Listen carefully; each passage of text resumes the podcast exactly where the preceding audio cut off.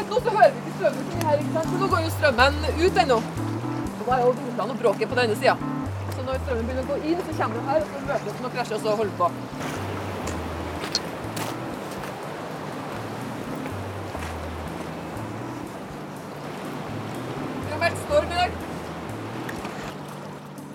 På over landet nå så er det egentlig sånn nesten som noe svart-hvitt-bilde. For hvis, hvis du klarer å kikke under vannet, så er alt, alt er bare oransje, rosa, rødt, eh, lysende i farger. Sånn rundt hjørnet litt lenger inn, så er det vanlig norsk sjøbunn med liksom klart en anemone, en sjønellik innimellom, men det er liksom ja, innimellom mye grått. Men akkurat midt i strømmen her, akkurat der strømmen driver herjer mest, det er Villane som størst. Så du ser ikke berget for eh, sjønellika, det er bare dyr på dyr på dyr på dyr. Farger på farger på farger. Snu fjellene opp ned og kle dem med alt du finner på av farger liksom, og liv, så har du det.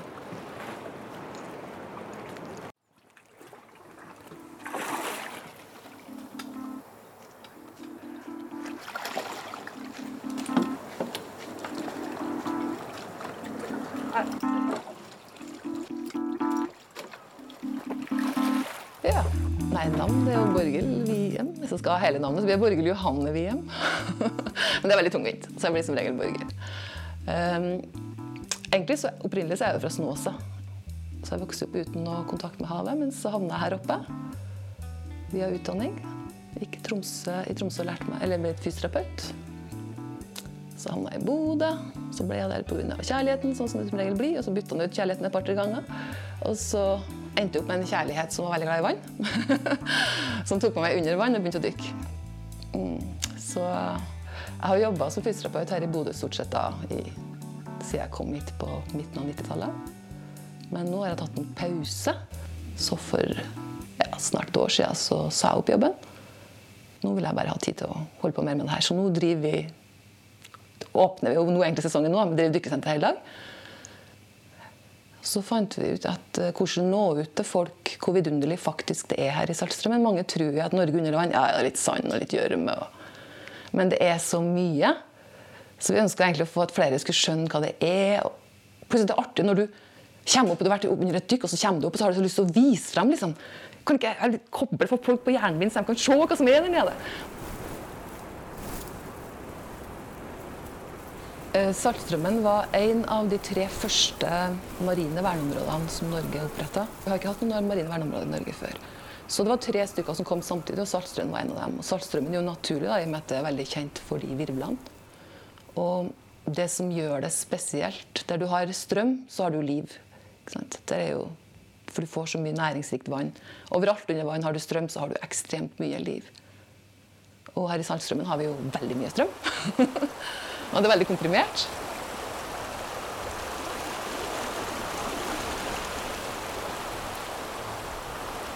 Svartum er en terskelfjord. Under brua er det ca. Ja, 30-40 meter dypt. Grunt, kan man kanskje si. Utenfor, hvis du drar ut mot Saltenfjorden, så går det fort ned til et par hundre meters dyp. Rett utafor her, på innsida av brua, så går det også stup det ned til 90-100 meter. Og runder vi fjorden inn mot Skjærstad her, så går det ned til 500 meter. Så det er noen enorme dyp. Så har du en smal terskel. Og det enorme vannet må da liksom foss hver sjette time. Sant? Så har vi en tidevannsstrøm her. Så går strømmen inn, og så snur den etter seks timer, og så går den ut igjen. Og da tar den med seg enorme vannmasser som får fosse fra dypet og opp. Og hvis dere har sett virvlene, så koker det jo rundt. Så det blir veldig mye sånn utskifting av vannet. Det blir veldig oksygenrikt vann. Og det blir veldig mye næring som suser rundt. Hvis du finner en ting, så bor det gjerne tre, fire, fem, seks, sju andre dyr oppå det ene dyret. For her er ikke noe mangel på mat. For maten kommer bare flygende på strømmen hele tida. Det som er mangel på, er en plass å sette seg. Det finnes ingen ledige plasser. Så har du enorm tang og tare, eh, selvfølgelig, som da danner enorme dyreskoger. Så Saltsummen er egentlig som en enorm skog under vann med liv på liv på liv på liv. Og det er kartlagt veldig, veldig lite. Eh, Men vi hadde et prosjekt sammen med noen forskere her for ett år siden. De kom ut et notat for ikke så lenge siden. Hvor de har kartlagt jeg husker ikke hvor mange arter det var, men stort sett alt som finnes av liv i Norge, det finnes her. På et komprimert lite område. Så vi finner jo, altså Hver gang vi dykker, så finner vi noe nytt.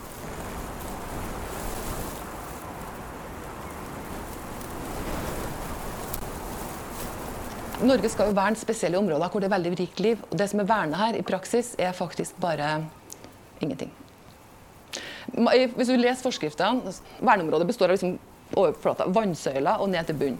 Men det som er verna, er liksom det bunnlevende. Det er bunnlevende dyr. Det, egentlig, det kalles bentos på latin. Og det er jo egentlig både det som lever på bunn, det som lever, beveger seg litt over bunn, og det som spiser bunn. Så hvis man skulle ha hørt på det som står at man skal verne det som lever på bunn her, så er jo både kveitaverna, steinbitenverna, torsken som beiter på bunn, burde være verna.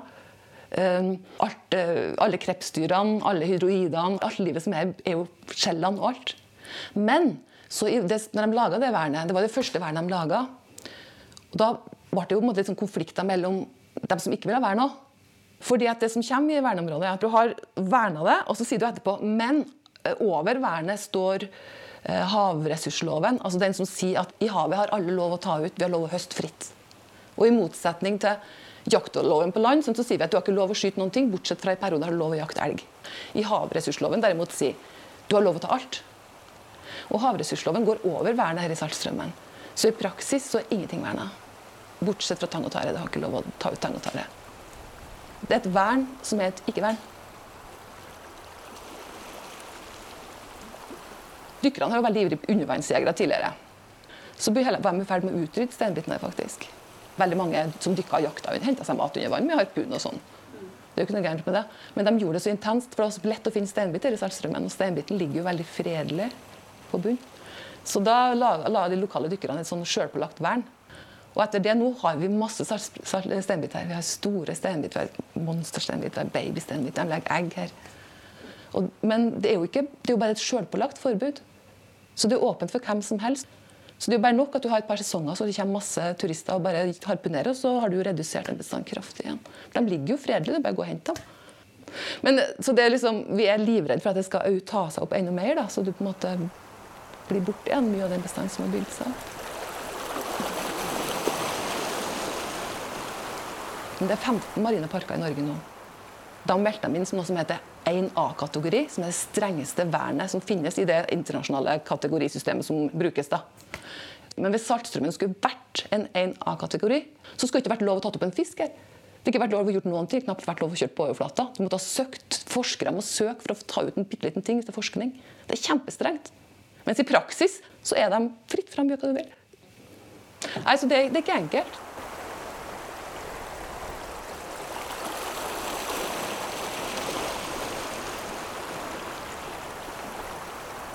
Når det gjelder virvler, så er den unik i verdenssammenheng. Altså, det er jo, den en av verdens sterkeste malstraumer. Og her på en måte kan vi dykke i det lille bassenget her. Nå kommer vi veldig nært fisken. Steinbiten er blitt veldig vant til oss. Torsken, når vi, når vi dykker, så kommer den gjerne sånn helt oppi brilleglassene omtrent til oss. ikke sant? For de er vant til at vi, vi er ikke farlige. Fisker lærer jo. At de husker, de har hukommelse, de lærer atferd. Det som blir skummelt, skyr dem. Det som de opplever som trygt, det kommer de mot. Og vi lager sannsynligvis litt mye sånn skufflet litt uh, ting fra bunnen. ikke sant? De jakter av og til boblene våre, eller de er liksom bak hælene våre. ikke sant? Så de, torsken kommer nå kjempenært.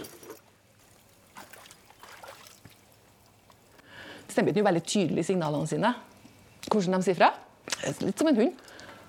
Og når du kommer for nært, de begynner å føle at nå er du litt nært, så reiser den ryggfena. Akkurat som hund reiser bust.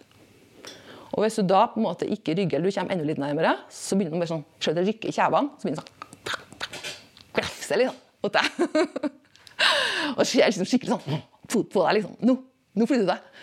Og hvis du ikke hører etter da, så svømmer den jo sin vei. Den angriper jo ikke. Jeg har aldri opplevd noe aggressiv steinbit. Så den drar jo bare så lenge du slipper den fram. da. Den prøver å markere liksom, ikke nærmere, ikke nærmere, og kommer nærmere, så stikker den sin vei. Eller så trekker den seg inn i hula si.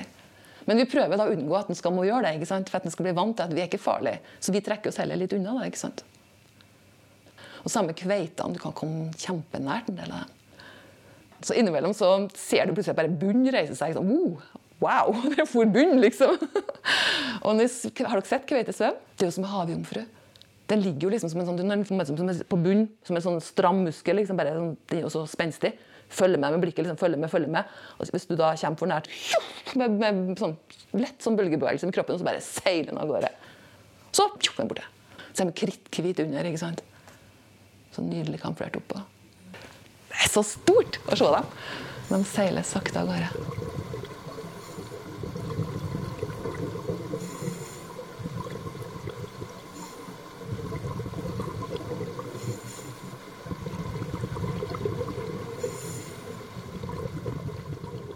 Vi møtte Terje første gangen i februar 2020 på 25 meters dyp rett ut av kaia her.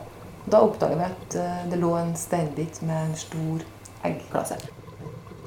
Og så var vi veldig nysgjerrige på å prøve å følge med hvor lenge ligger steinbiten med egg. Så vi var jo sånn et par ganger i uka eller par 14 dager sånn jevnlig ned. da. Så da fulgte vi jo den. Og eggene ble klekka i slutten av april. Da var eggballen borte. Så forsvant Terje.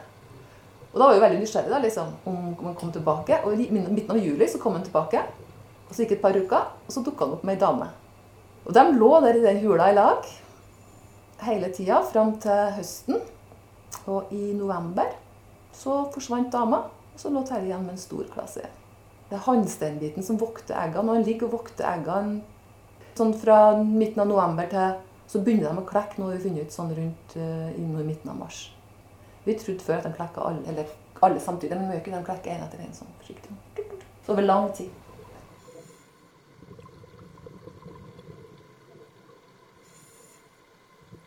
De ser så koselig ut.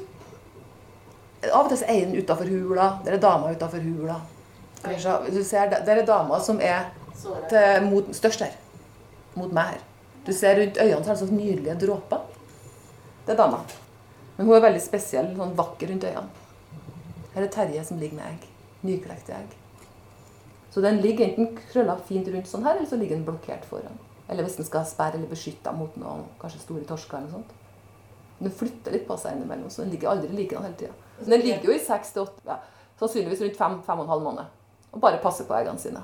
At den bare ligger og vokter uten å spise. Så de spiser opp på sommeren. For nå ligger den og så klekker den jo eggene i, på, på mars-april. så klekkes eggene, Og så blir den borte fra hula si en stund. For det er jo det med Terje. Plutselig var hula tom, og så gikk det en liten, noen uker, så kom den tilbake. Og da mye mer til og fra.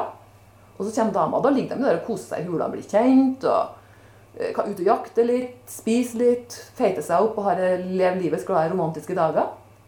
Og så har de ordentlig sex, faktisk. Ordentlig reell fysisk sex. Og så legger hun de befrukta eggene. Så drar hun, og så har hun pause, så er han som overtar.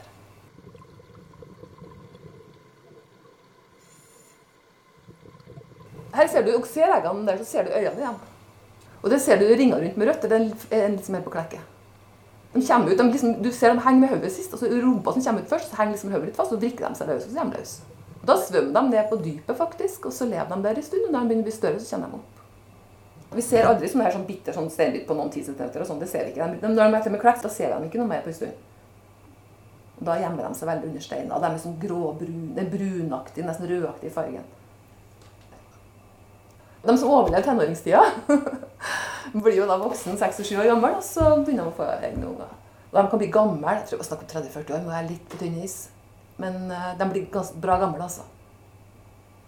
Og det er det, det er så artig når du møter de eldgamle fullt av arr og svære altså, Like lange som meg, omtrent sånn enorme stemmebiter. Du møter sånn rundt og er sånn wow. Ja, de er, de er Kikker innimellom noen steiner og så er bare sånn kjempehoder. De er enorme. Så jeg rygger når du ser dem. Og Det er så viktig for bestandene ikke sant? at du får de store. For det er det de begynner å oppdage mer og mer. Skal du ha en kraftig bestand, så må du ha de velvoksne individene. For de legger mer egg. F.eks. torsken. Hvis du ikke har de store gammeltorsken som kan lære opp de yngre, så hender det at de unge torsken kommer til paringsplassen. De kjenner på kroppen 'Hei, det er et eller annet her. Jeg må komme meg hit. Det er noe som skal skje nå.' Så kommer de på paringsplassen, og så virrer de rundt hverandre. Så vet de ikke hva de skal gjøre. Så drar de derifra med uforretta sak. De trenger noen gamle, erfarne torsker som er der og sier 'hei, sånn gjør du det her'. Som lærer dem en paringsdans. de lærer dem, Sånn at de faktisk får gjort det de skal gjøre, og legge egg, og får sendt generasjoner videre. Så du, Akkurat som oss mennesker, vi trenger noen gamle som kan fortelle oss om livet. Det er helt nødvendig for, for gode bestander at vi har hele spekteret. Og da er problemet når vi da begynner å jakte, sånn som vi menneskene gjør nå.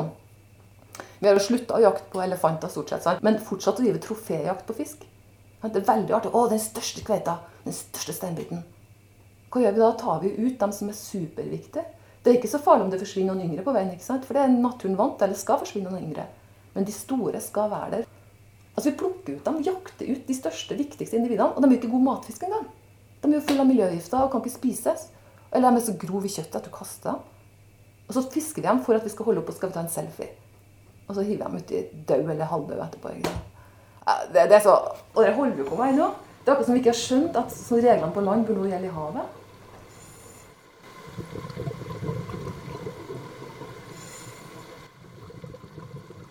etter hvert som vi ble kjent med han Terje her, det ble jo sånn Du gleder deg jo liksom. Kom ned liksom Hei, hils på han. Hvordan går det? Går det med han? Sant? Wow, vi har fått dame! dame. Så er vi så spent om dagen kom tilbake. Og, de ble, ble egg. Og så la de jo egg i høst. Vi var liksom Wow, de lyktes, ikke sant? Eh, og da, I sommer så døpte vi jo Terje. fant ut, vi må jo bli, Han kan ikke beholde bare stendig med et navn på han, Så døpte vi en Terje etter Terje Vigen. Finnes, eller hva heter det, starten av diktet på Terje Vigen. Han med en grås, underlig gråspent en. Det passa jo så bra, så vi døpte en Terje Vigen. Eller Terje døpte vi. Um, og det var jo så kult å bare følge med ham. Hver gang du kom ned, så var det liksom innom ham. Vi prøvde ikke å forstyrre noe særlig mye, men bare bortom ham og så bare sjekka at alt var greit. Eller bare lå der og kikka på ham med noen meters avstand. og når du tar et bilde, så kan du zoome inn, så ser du nøyaktig de tegningene i ansiktet. Du ser at de har veldig mye forskjellige rynker, og de er ulike. Så du har ikke noe problem å se om det er han eller ikke. Og så er det en del gamle arrer. Men uansett, da. det som var jævlig kjipt, var at i januar i år så plutselig var han borte fra jula. Han lå på eggene, og plutselig så lå han ikke på eggene lenger. Så da hadde det skjedd et eller annet Altså, det kan jo være at han ikke lyktes, noe sånn som vi gjør, og så blir det jo ikke noen unger. Ble gravid, men det ble ikke noe. Eggene var litt rare. De liksom, ble ikke så mye øye på dem fort. De holdt seg litt for gule lenge. Jeg vet ikke. Men plutselig var de borte, i hvert fall. Så Terjes hule er vært tom nå. Men det, vi har jo fulgt andre. da. For Vi oppdaga at det var to steinbit til som lå på egg der. Litt dypere. Så vi har en Parelius som ligger med egg, og så har vi en Johan som ligger med egg. Og vi håper jo fortsatt at Terje kommer tilbake, da. Men det som har skjedd nå, er at det kommer tilbake en annen steinbit som flytta inn i hjulet hans. Så vi håper at han ikke slår seg til der. Han er litt liten, så vi håper at Terje kommer tilbake og jager nytt. Og flytter inn igjen til sommeren. Men vi kikker etter fortsatt altså, hele veien. Når vi ser en ny steinbit, tar vi bilde og sjekker er det Terje som er i området. liksom.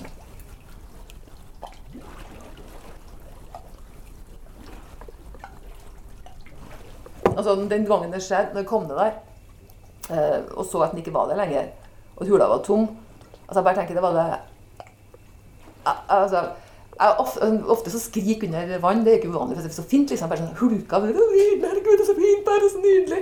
Men jeg, jeg, jeg, lå, jeg lå på bakken der nede og bare skreik og skreik og skreik. og skreik. Det var som du mista en venn. altså Det var så trist. At han var borte, at han mislyktes. liksom, at han var Jeg bytta ut ventilen for jeg hulka så fælt. Jeg måtte tømme maska. det var helt sinnssykt. Så kom vi opp, da, så har vi jo sjekka litt av hva kan skje. ikke sant? Prøvd å snakke med noen professorer som driver med oppdrett. Og det de sier, er at noen ganger så går det galt. sier jeg. Annet at det kan selvfølgelig ha blitt noen bakterier, det vet man jo ikke. Eller så kan lyset vårt ha forstyrra. For de mener at kanskje så tåler ikke steinbiteggene når de er helt ferske, de første eh, sånn fire-seks ukene. Altså, når de er helt nyklekt, så tåler de ikke hvitt lys, tror man. Og når man tar en blits, så er jo det et hvitt lys. Når man lyser med løkt, så er det hvitt lys. Så det, det, er den triste biten. Da kan jo hvis det har skjedd, så er det at vi tok bilder for tidlig. For når vi møtte Terje første gangen, så møtte vi ham i februar. Og da var eggene stabile. ikke sant? Mens når han la eggene nå, så møtte vi, fant vi jo Jeg tror de var kanskje en dag gamle. eller noe sånt, De var så, så ferske ut. Og vi hadde dykka der et par dager før, og da var han ikke egg. Så kom vi opp, Wow, eggene lå der, ikke sant? Det var helt stort. Og da ble det tatt masse bilder. Så vi vet jo ikke om det var det som ødela eller ikke. Vi har i hvert fall bestemt oss at neste gang neste sånn høst, fram hvert fall til februar, så skal det ikke være noe blitsing i hele tatt av noen egg. da. Og så vi, har vi gått over til å bruke kun rødt lys hvis vi skal sjekke om det er egg. Men vi vet jo ikke om det er det som har med saken å gjøre. Han er ute og svømmer en. Vi håper han kommer tilbake, men vi vet ikke. Men vi følger med Terje Sule hele tida. Så det kan jo skje ting. Det hender jo at vi ser fisker som har noen parasitter på seg, eller som har noen skader. Så det kan, det kan skje noe med Terje i seg sjøl, Det vet man ikke. Man vet veldig lite om steinbitens atferd, egentlig. Så vi egentlig driver og forsker og prøver å finne ut og lære. Så det var så artig at du kan prøve å følge med, liksom. Så samtidig som at vi oppdaget at nå ligger Terje bak oss på egg, så sjekka vi de andre hulene vi vet om, og da lå de om egg. Så det skjer ganske synkront. da. Og så blir de alene en stund, og de slapper av litt. Og så går de sammen i par. Så går de i par fram til høsten, og så har de sex, og så klekker de ny runde, og så passer de på. Så sånn går syklusen. Så vi hadde gleda oss å se når han fikk klekt eggene, om det var samme dama som kom tilbake. Men det vet vi ikke nå. med at Hvis ikke Terje kommer tilbake, da. Vi håper han kommer tilbake ennå. La han komme tilbake. Eller kanskje kommer samme dama tilbake til Newman, han som har overtatt jula. Det vet vi ikke. For noen år tilbake sa han steinbiten fær på dypt vann og får nye tenner på vinteren. For du ser mindre steinbit på vinteren. Men jeg lurer på om ikke vi setter mindre den, for den ligger i hula og ruger. ikke sant? Så må du liksom inn og finne den. Finne den i hula. Men hvor damene er, det vet jeg ikke. Kanskje er bare på jakt. Kanskje de bare fører dypere ned for å koble av. Den spiser i bunn. Den spiser uh, kråkeboller. Den spiser mye skjell. Så den trenger jo kraftige tenner for å knuse skjellene, knuse kråkebollene. Små krabber. Her har vi faktisk sett steinbit som bare har tatt et jafs av bunn. Og det forteller jo litt hvordan saltstrømmen er. ikke sant? For det er så mye liv her at du bare tar et jafs, så får du deg masse små hvitkrepser og krabber og skjell. og ja, Jeg tar en bit av bunnen. Tygger. Sammensatt måltid. Mm. Så de spiser uh, alt mulig type skalldyr. Det de finner rundt omkring her. Når du, når du finner jula hvor steinbit har bodd lenge, så ser det veldig mye knust skjell rundt omkring på utsida. Så ser det ut som de på en måte kanskje tygg ut. I hvert fall er det veldig mye knust skjell rundt. Dess mer du lærer om det, dess mer lurer du, altså, for det er så mye vi ikke vet om dem. Den ser ut som gråstein, men den har jo en kjeft som kan bite over stein. ikke sant?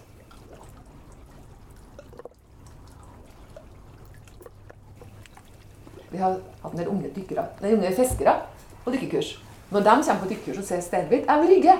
For de er jo vant til steinbiten sant, når du drar den opp i båten. Og det er jo helvete å få inn båten, for den biter jo. Hvis den biter seg fast på et eller annet, så klapper den ikke. ikke sant? Den er jo rå. Du bare holder den unna den munnen. Den kan jo klippe av hånda di. Men under vann så er den verdens fredeligste fisk. Du kan faktisk gå bort og stryke på dem. Du gjør det ikke, for du skal ikke berøre fisk under vann. Men de er kjempefredelige og veldig vennlige.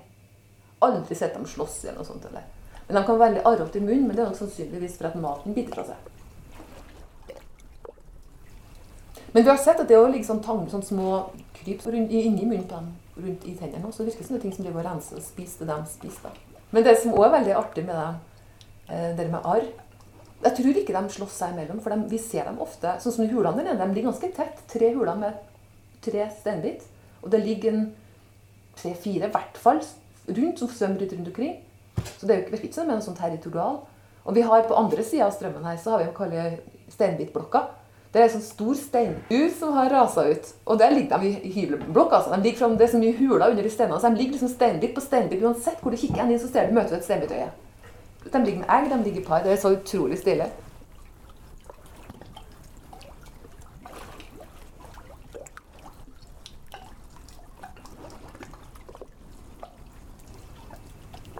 Dyrelivet i Saltstraumen er unikt i verdenssammenheng. altså. Hydroider er jo det som du vet, ser ut som planter under vann. Ser ut som trær og busker og blomster. Utrolig masse varianter som er veldig veldig nydelige. Men det er dyr, det også. Så det er et dyr som har et skall med et dyr på, så setter den oppå et annet dyr. Og prøver dyr på dyr på dyr. Her er to eremittkrepser som er kjærester. Så en snegle på toppen. En liten nakensnegl som legger egg. Den er ca. en halv millimeter Nei, tre-fire millimeter lang, kanskje. Så nakensnegl, den har aldri skall? Nei. Trenger, det er derfor det er nakensnegl. Ja. Nuri. Det er fordi at den er giftig. Den har mye neslegift i seg, så at fisken bare spytter den ut om en bit inn. Ja, han trenger ikke skall. Trenger ikke skall. Helt unødvendig. Den der har vi døpt til kenguruloppa. De heter ikke det, de har ikke noe norsk navn. Akkurat som edderkoppene så har de en sånn tråd inni seg. Og den tråden lager de sånn rare kruselullegreier på. Og så samler de sånn der gjørme, og så bygger de seg strå. Og på de stråene så lever de. Og på det strået for ingen andre arter kom for da blir krig. Så når de har et strå, så kommer de lenger ut i strømmen. betyr mer mat. Det har vært, det har vært liv i havet mye mye lenger enn på land. Så alt finnes. Det, uansett alien-filmer vi lager oss og ser for oss, så har han alltid gjort det i havet lenge, for lenge siden. 100 ganger morsommere, liksom. Men det som er også veldig morsomt, apropos det er et sekkedyr. En sjøpung. Og den ser jo ganske ordinær ut. Pungene der jo, finnes jo masse varianter. Enkelt, egentlig I praksis så er det en magesekk med, med to hull som eh, vann strømmer inn og ut av og gir en luft og mat. Men det som er så kult med dem der, de starter livet sitt som en larve. Da svømmer de rundt i de frie vannmassene. Tenåringstida med andre ord hvitt, sånn frittflytende. Og så når de bestemmer seg for at de skal slå seg ned, så slår de seg ned på ett punkt, og det blir de resten av livet. Og når de da først har slått seg ned, så har de ikke spist noe som larve. De har ikke spist noen ting som er veldig sulten. Og når de først skal bo et sted, så trenger de jo ikke lenger en del av de tingene de trenger når de svømmer rundt. Så det første de gjør, det er å spise opp halen sin, for den trenger de ikke lenger. Og så spiser de opp øynene sine. For den trenger de heller ikke, for de skal jo ikke kikke etter noen ny plass å bo lenger. Det er jo helt unødvendig. Øyne og hale, da. Og spise opp ryggrad. Og så spiser de opp hjernen sin. For du trenger jo ikke noe hjerne heller lenger, da. For da skal de jo bare stå der og vann inn, vann ut. Så kult! Og så til jeg liksom, at De har faktisk de har et lite hjerte. Inni den lille pungen så har de et lite hjerte. De har nervesystem. Men du, er det et dyr da? Når Det er et dyr. Ja, men når den har spist opp hjernen og Det er bare De har jo fordøyelsesorgan, de har et lite hjerte, de har nervesystem. Og de ler. de, de spiser mat. Så Det er et dyr. Formerer seg. De formerer seg. den har ikke gått over i sånn plantestadiet. Det er jo nesten som en plante da, når den er den derre Det kan du jo si om anemonene. De ligger der som står på en måte og spiser og filtrerer. De ser ut som planter, dem men de er et dyr. ja. Men det er jo kult, da. Jeg trenger ikke lenger. Jeg spiste opp, liksom. Da har jeg første maten min klar. Så er jeg liksom tilfredsstilt. Ingen bekymringer lenger. ikke sant? Hjernen spiste opp.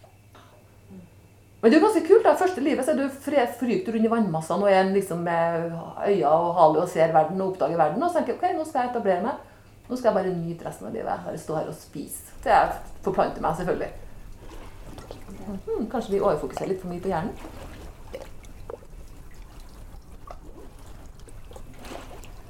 Og egentlig en veldig fin måte å se på det du sier der. At du tenker at havet er en eneste stor kropp. fordi at hvis du dreper en bit i havet, sant, så dør jo hele havet. Det er jo det vi lærer mer om. Vi kan ikke liksom verne Saltstrøm marine verneområde og si at vi verner det som det er på bunnen, men vi fisker ut eller dreper eller ødelegger forholdene for alt det som spiser på bunnen. For da vil jo hele den havkroppen dø, fordi at den er avhengig av at for at de dyrelivet på bunnen skal leve, så må jo de slippe ut så mye egg. Så hvis de ikke hadde hatt sein der som spiser opp eggene, så hadde det blitt for tett. Hele havbunnen ble dekt av nye larver. ikke sant? Ja, så det er en organisme. Da kan vi ikke drive og røkke ut eh, deler av det, ødelegge deler av det. og Det dør alt. For det er tanken med et marint verneområde. Ideen der er at du skal lage en oase.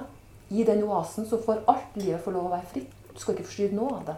Da får du en oase som blir kjempelevende, som en sånn Edens hage. ikke sant?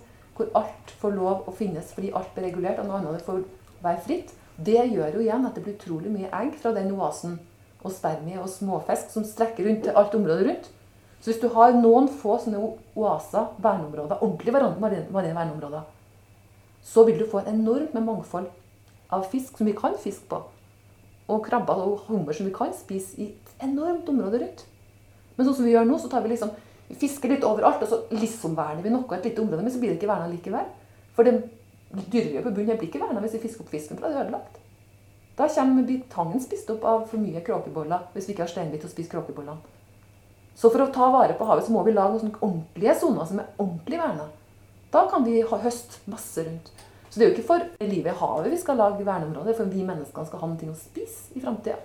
Og at vi skal ha noe å forske på og hente medisin fra. Så det er helt galskap at vi liksom lager såkalte papirparker, som vi gjør i Norge nå. Egentlig, for Saltstrømmen sin del, det at du lager et verneområde, gjør det man ser på i verdensbasis, er at hvis du verner et område, så blir det mer attraktivt å komme dit. Og dess mer turister som kommer til et verneområde, dess mer kloakk får i havet når du ikke har regulert kloakken. Dess mer fisk blir fiska, for det er lov å fiske. Dess mer fiskesnører ødelegger. Fisken er ute, de setter seg fast. Dreper ærfuglen. Det fiskes ut fisk. Altså det Trykket av fiske i et verneområde som det er lov til å fiske, er enormt. Har du ikke verna det, så har det ikke vært så populært. Så, det å verne Saltstraumen har egentlig gjort det verre for dyrelivet her. Folk kommer jo hit fordi at er et fiskerikt område, og det reklameres med at Saltstraumen kommer hit og fisk. En fisk, du får fisk hele tida. Men når det ikke når reguleringa, og du kan fiske overalt, og det er så mye tang og tare på mange plasser når du står og fisker, at du setter fast uansett. Folk mister slukene. Det var ikke sjans. Ikke de vil kaste slukene i havet, men de mister dem. For det er så mye tang og tare. Så med litt tilrettelegging i forhold til hvor er det bra, og hvor kan du fiske, og så prøve å rydde opp der. I stedet for at fisk overalt. Til og med ikke hvor du får fisk, for det er for grunt, men stå og kast der allikevel. ikke sant? Ingen, ingen på en måte informasjon, ingen opplysning om hva som foregår. De, områ de og de og de områdene er det velkommen til å fiske. Men ikke stå overalt ellers, for da får vi fiskesnøre over hele. ikke sant? Da finnes ingen områder hvor, ikke, hvor ærfuglen kan dykke ned uten å dø, f.eks. Men det er ganske enkelt å gjøre noe med det. Hvis vi får til mer av den type, turisme som informerer og opplever. Altså at du får sett under vann hvordan det faktisk er der, selv om du ikke kan dykke. Du kan jo snorke, eller du kan se på bilder, eller du kan få gode foredrag. Så få bygd opp mer av den type turisme, så er det ikke farlig. Da er det ikke negativt. Da blir det heller en plass du drar ifra og elsker havet. ikke sant? Det er det som er målet vårt. da. At folk skal komme hit og bli glad i havet. Og får lyst til å ta vare på det. Og vi har jo ikke noe problem hvis et marint vern begrenser vår aktivitet, men det gjør ingenting. Jeg er villig til, altså. Vi er ikke opptatt av å bli et stort uh, Vi er småskala. Og Saltstrømmen har, her har mennesker levd. Det er jo en av de eldste bosetningsplassene som er. Og det er jo fordi strømmen har vært så riktig liv. Og det er jo ikke noe sånn at vi skal slutte å bruke strømmen. Men det vi gjør nå fra 60-tallet oppover, med at vi hiver så mye nylon og bly i havet som vi ikke får bort igjen, det er nesten umulig å få det opp igjen. Vi plukker så mye vi kan, men det er steike umulig, for det kommer bare mer og mer og mer. Det har vært en tradisjon for å hente ut fisk til mat. sant? I Saltstrand har du kunnet rode ut hver dag. Du har ikke tenkt å samle fisk, du roder ut og henter den maten du trenger.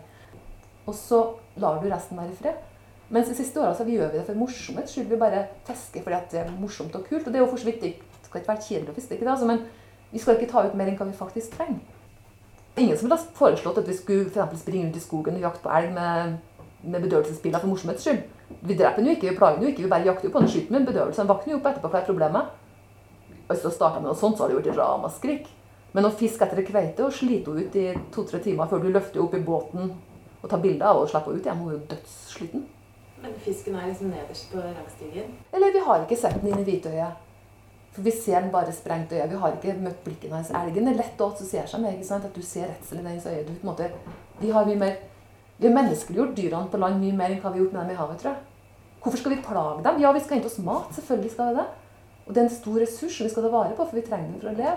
Men må vi plage dem for moro skyld? Er det virkelig nødvendig? Og jeg liker veldig godt tanken at vi alle sammen kan slenge ut når vi trenger mat til middag. Så vi, så vi alle sammen fritt med retten til å hive ut i stang og fiske en fisk når vi trenger det. Det er noe av den følelsen av å være norsk og få lov å gjøre. Men når den på en måte blir så at alt er fritt fram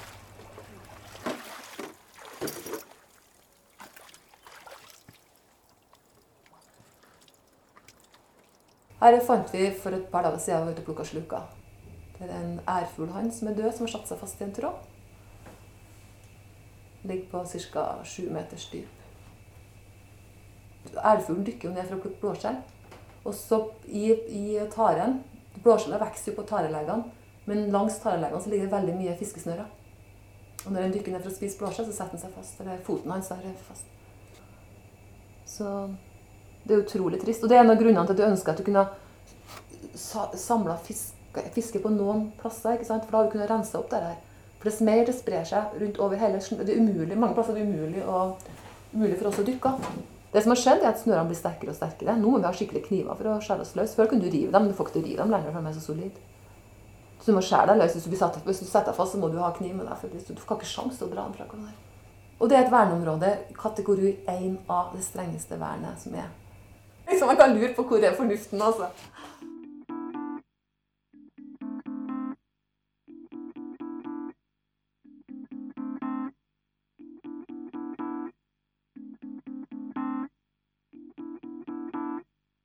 Det var en dag vi sto her ute og jobba, så kom det en flokk ærfugler forbi. Og den koselige du kjenner ærfuglelyden. Så det er koselige småprate. Når du hører den, så får du tro på verden. At det går bra likevel. liksom. Det blir bra. det altså Verden er en fin sted. Du får sånn ro inni deg. Sånn trygg og harmonisk. Så måsene selvfølgelig som maser overalt rundt omkring. Det er jo bare koselig lyd. En liten masete lyd. Så har du strømmen som bare kommer stille, og så hører du plutselig brøle litt og bygge seg opp igjen, og så roe seg igjen. Den blir du aldri kjent med, for den er så forskjellig. og Den kommer så innmari i pulser. Når du tror liksom at du kan hvordan den er, så plutselig en dag så er det helt annerledes igjen. Sto en dag og kikka på brygga her. Plutselig var kjela rett utafor flytebrygga. liksom. Det bruker jo ikke være liksom. Den er sånn akkurat som den lever et eget liv. Den er en dag den bare akkurat som den er sint liksom, og bare maser mye mer. Så er det liksom bare vanlig snur den aldri når den skal snu. Og snur halvtime før og driver og venter på noe. Det er helt sånn, Du er sitt eget liv. Det er sånn hele tiden, Du må hele tida forholde deg til en på en sånn aktiv sånn forholde deg til en person. Du må lese den hele tida før du kan dykke. Du må følge med hele tida, for den er ikke forutsigbar i det hele tatt. Fordi det er som i vaskemaskin. Her, sant? Når den først snur, så snur den. Og noen ganger bruker den lang tid på å snu. Andre ganger så dykker du så bare Oi, shit, bang, den snur! Og idet den snur, så går den gjerne litt på det opp og ned. Og sånn, så du må helst lese taren foran og være forberedt på å eventuelt ta tak i en stein hvis du kjenner du trenger det. Du ligger alltid klin inntil nært bunn og nært berget. Du, det er en egen teknikk å dykke i strømmen. Så, så, derfor tenker jeg at Saltstrømmen er verdt å ta vare på for alle sammen. Bare for det, det den er, et lite bygd, et lite samfunn med mennesker og salig blanding av mennesker og fugler og strøm og vær og Altså hele Men da må man ikke forsøple så fisken din borti. Da må man ikke utrydde ærfuglen her. ikke sant? Det kan ikke fortsette å drive rovdrift på det. OK. Ha det godt.